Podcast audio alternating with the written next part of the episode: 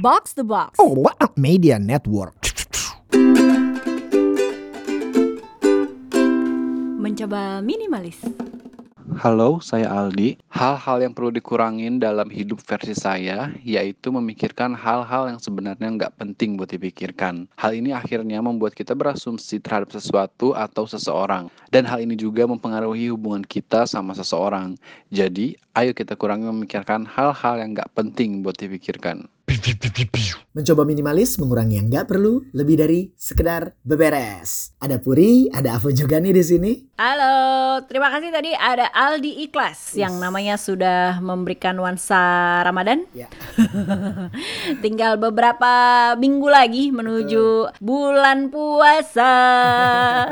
Tadi pesennya adalah kurangin, pikirin hal-hal yang nggak perlu atau asumsi. Kurangin asumsi, betul sekali. Setuju. Yes. Apalagi kita kan juga sering tuh misalnya eh, berasumsi soal kesempatan itu datangnya nggak dua kali. Wah itu kan asumsi ya, ya kan. Terus kadang ada juga yang bilang mumpung masih muda cari pengalaman sebanyak-banyaknya. Memang benar sih gitu. Tapi ketika gue baca berita nih ya kan, beritanya ini udah agak lama tapi jadi keingetan lagi gitu. Ngomongin soal pengalaman kerja gitu kan. Ini ada ada pengakuan nih dari seorang oknum lah gitu yang diduga sebagai salah satu mitra kerja gitu kan dari startup education ya kan eh, ruang gulak yang digaji sejuta doang per bulan gitu. Jadi itu sempat bikin heboh Twitter ya kan. Itu Sejuta tuh. doang Heeh. per bulan. Walaupun Asli. kita nggak tahu ya apa statusnya ini honorer atau mungkin lokasi nggak di Jakarta. Iya. Tapi apa pun itu, angka tersebut kalah loh sama gaji buruh pabrik di Cianjur.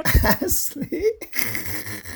Jadi kalau tadi apa jangan suka lihat asumsi gitu kan. Apa sih jangan terlalu mendengarkan asumsi. Terus kalau kita suka ada pepatah-pepatah itu perlu dikaji. Apakah sudah usang atau tidak begitu ya.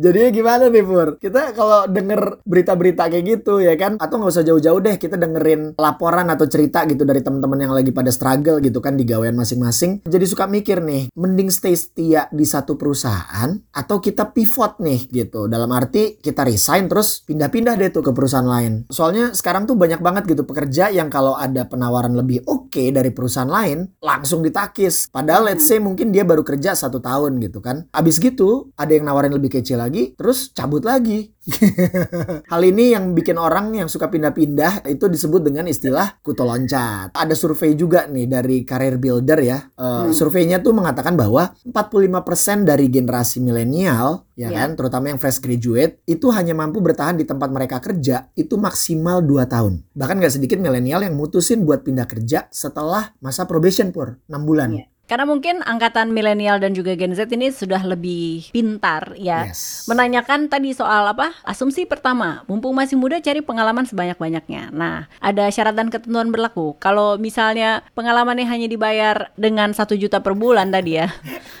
Saya mendingan kerja di tempat lain aja gitu. Asli. Menambah apa ya, makin kompleksnya urusan ini ya pivot karir atau enggak. Ini juga ada yang premis-premis kayak gue kuliahnya A, terus kerjanya gue B, tapi gue punya mimpi pengen buka usaha yang justru beda banget sama industri tempat dia kerja sekarang atau bahkan jurusan kuliahnya Iya. gitu kan.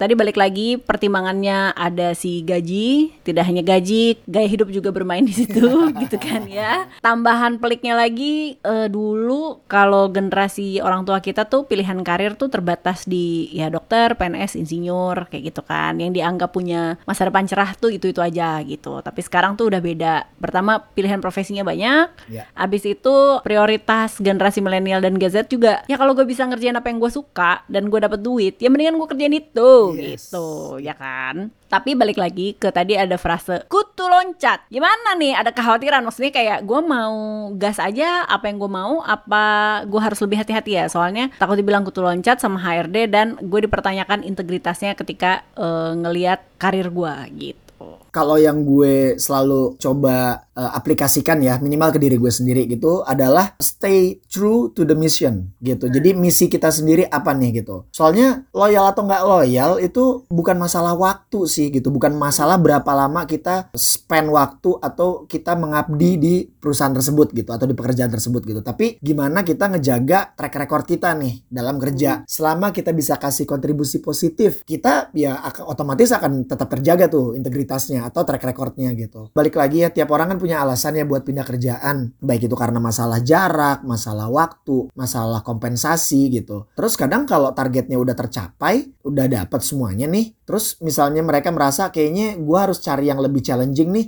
Ya udah nggak apa-apa gitu. Sah-sah aja kok gitu. Tapi kayak yang lo tadi bilang juga Pur, ada juga teman-teman yang let's say background pendidikannya beda, terus gaweannya beda, terus mereka mungkin ada kepikiran juga untuk mau switch karir nih atau pivot nih gitu. Nah, kira-kira apa aja tuh yang perlu diperhatiin? Iya ya, ini soal apa ya? Bikin planning ya. Kalau tadi kan kegalauan dan kebimbangan. Nah, kalau misalnya lo udah bimbang, ini larinya kejauhan gak sih gitu dari titik A ke B terus akhirnya gue ke C. Gue mau kasih contoh yang kita anggap ini ekstrim banget ya. Asli. ekstrim banget. Gila, Ada gila. satu sosok, gue nggak tahu lu tumbuh besar dengan dengerin uh, band namanya Alexa atau enggak. Ada satu sosok namanya Rizky Syarif. Dia salah satu uh, apa band membernya di situ. Ya. Bayangin dia tadinya main musik, ngeband, Terus sekarang dia itu jadi PhD, dia ambil PhD dan juga jadi profesor Experimental Particle Physics di Brown University. Gitaris men, tadinya dia gitaris ya. Oke, sekarang dia jadi profesor di bidang fisika. Fisikanya juga jauh lebih ini lagi ya, lebih niche lagi Lebih gitu. ini. Sambil uh, uh, sambil dia tetap gajian karena dia juga sudah menjadi akademisi gitu kan di sana. Nah, jadi kalau lo ada kegalauan, ingat contoh yang real ada di situ. Konon kabarnya, ya Sherina itu sempat meninggalkan seorang stand up komik demi orang ini. Gibahan masa lalu yang masih gurih ya. Ah, betul betul. gitu karena orang ini pintar sekali. Jadi dimulai dari tweetnya Alanda Kariza terus diamini oleh Hasif. Hasif kan jurnalis musik ya. Terus dia bilang, "Iya nih, emang si orang ini tuh dulu zaman masih di Alexa suka gitu ngerjain persamaan." persamaan fisika ya. Eh, eh, gila. Eh, eh. Tapi ya namanya orang suka ya, kerjain aja ya enggak. Asli. Nah, balik lagi ke pertanyaan lo, apa nih pertimbangannya gitu kan ya? Kalau mau pivot. Iya, kalau mau pivot, satu pivot nggak perlu yang jauh dulu. Lihat di kantor kita. Ada nggak sih eh, beberapa pilihan eh, kesempatan secara internal gitu kan? Oke. Jadi kalau lo pindah tuh pindahnya horizontal. Terus lo lihat apakah ada kuotanya gitu. Terus lagi-lagi kalau lo mau mempertimbangkan garis jenjang ke atas di kantor itu pasti ada urut kacangnya ya. Tapi sekarang kalau ke horizontal masih mungkin apa enggak? Terus ada urut kancaknya juga atau enggak? Tahu siapa yang lo harus menangkan permitnya gitu ya. Kadang-kadang ada bos yang nggak mau lihat lo pindah ke departemen lain ya. Kalau itu nggak dapat tanda tangannya mau sampai kapan pun anda ngantri terus atau bahkan dikekepin terus Iya. gitu kan. Dua eh, ekspektasi eh, atas pekerjaan yang kita lakukan jenis pekerjaannya gitu kan ya. Eh, jadi kalau lo pivot berarti kerjaan apa yang memungkinkan lo ambil tanggung jawabnya. Abis itu bisa mulai membangun karir dari situ atau enggak. Abis itu faktor industrinya itu yang ketiga Yes. pandemi belajar lah ya perusahaan mana yang naik, mana yang turun, ya kan? Startup mana nih yang barusan masuk e-commerce, ya kan? Aduh ya. Tadi Babang bilang ruang gulak. Ini yang inisial Zoro Z juga baru bye bye beberapa eh, ini eh, pekerjanya gitu jadi eh, harus realistis ya mestinya walaupun kita sayang banget mungkin sama industri tertentu tapi mungkin momentumnya lagi nggak ada Iya. ya. Jadi apakah eh, jawabannya adalah kita tidak melakukan itu? Melakukan saja kan kalau kita suka ya kita kerjain aja ya. Kita tambah kompetensi diri tapi untuk langsung ngambil keputusan besar mungkin harus ditunda kapannya, Ya, ya kan? itu dia tuh. Biar kita nggak cuman dapat makasih doang terus pesangon cuman dibayar berapa persennya gitu kan sedih ya, sedih Sedih, kalau sedih kayak gitu ya. habis. Heeh. Yoi, sama habis itu prioritas ya kan Eh, pertimbangannya misalnya kalau kita jodoh nih sama kantor A gitu nggak cuman gajinya tapi juga penyesuaian-penyesuaian yang harus kita lakukan dari awal terus udah gitu timnya kayak gimana cara kerjanya kayak gimana nah itu emang cocok-cocokan sih jadi perlu dipikirkan lah si empat itu tadi Gue mau nambahin nih buat eh, temins yang lagi pengen switch karir, tapi ada kekhawatiran, ada ketakutan bahwa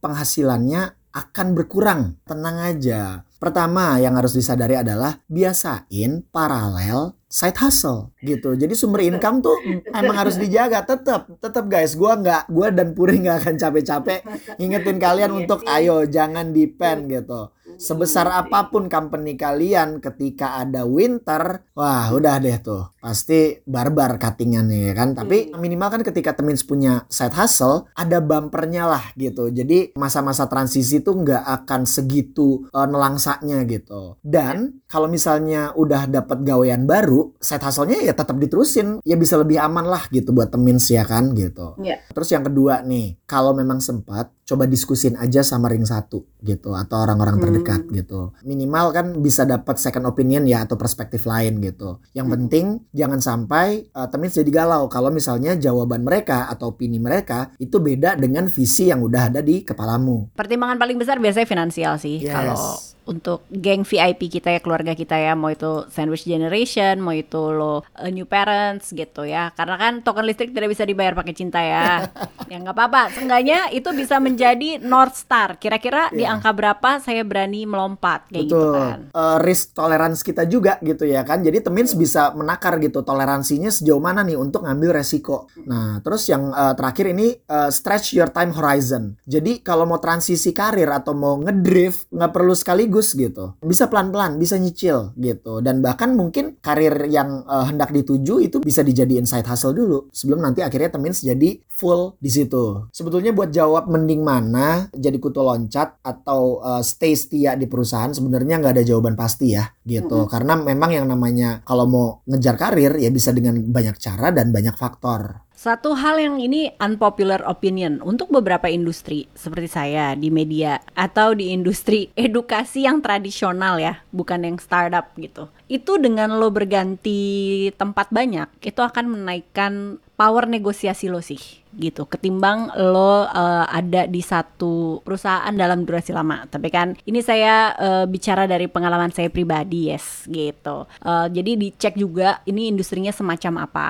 Sama satu lagi ada satu buku yang diulas juga nih. Ini linknya nanti akan di drop lagi. Kan eh, Avo tadi banyak cerita ada beberapa koridor lah ya. Itu kan dari Harvard Business Review tuh Nah, di dalam artikel itu yang tentunya akan gue drop juga ada satu buku ini bagus buat lo baca namanya Reinventing You gitu. Jadi emang dia ngekaji beberapa kasus orang-orang yang mau pivot karir, yang bener-bener mentransformasi dirinya gitu. Nah, salah satu contoh yang dibahas tuh lo bayangin ada satu orang eh, profesinya hairdresser kerja di salon. Abis itu dia jadi professional speaker, tapi nggak dikasih tahu ya speakernya di bidang apa. Dia ngebangun itu 10 tahun. Nah ini hubungannya dengan time horizon lo tadi, bahwa kita pengennya cepet-cepet, tapi mungkin sebenarnya nggak perlu secepat itu ya. Yang penting kan nyampe ya. Betul. Emang ini ya maraton gitu, maraton batin.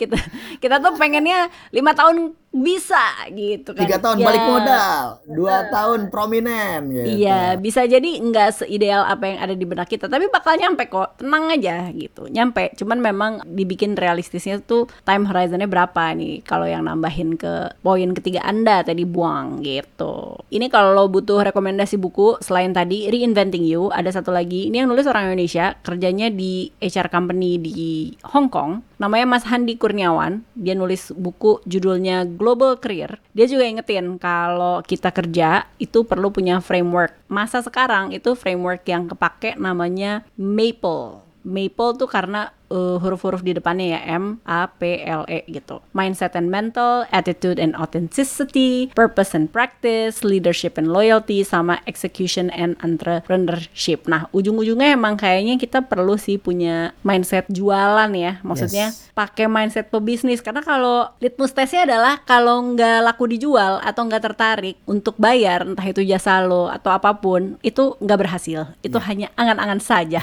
gitu. gitu kira-kira bang. Cakep ini uh, Maple Frameworknya mudah-mudahan nanti Temins bisa segera dapetin bukunya ya dan uh, moga-moga aja nanti Mas Handinya juga bisa mampir nih ke MM ya. Shout out buat Mas Handi nih. Uh, uh.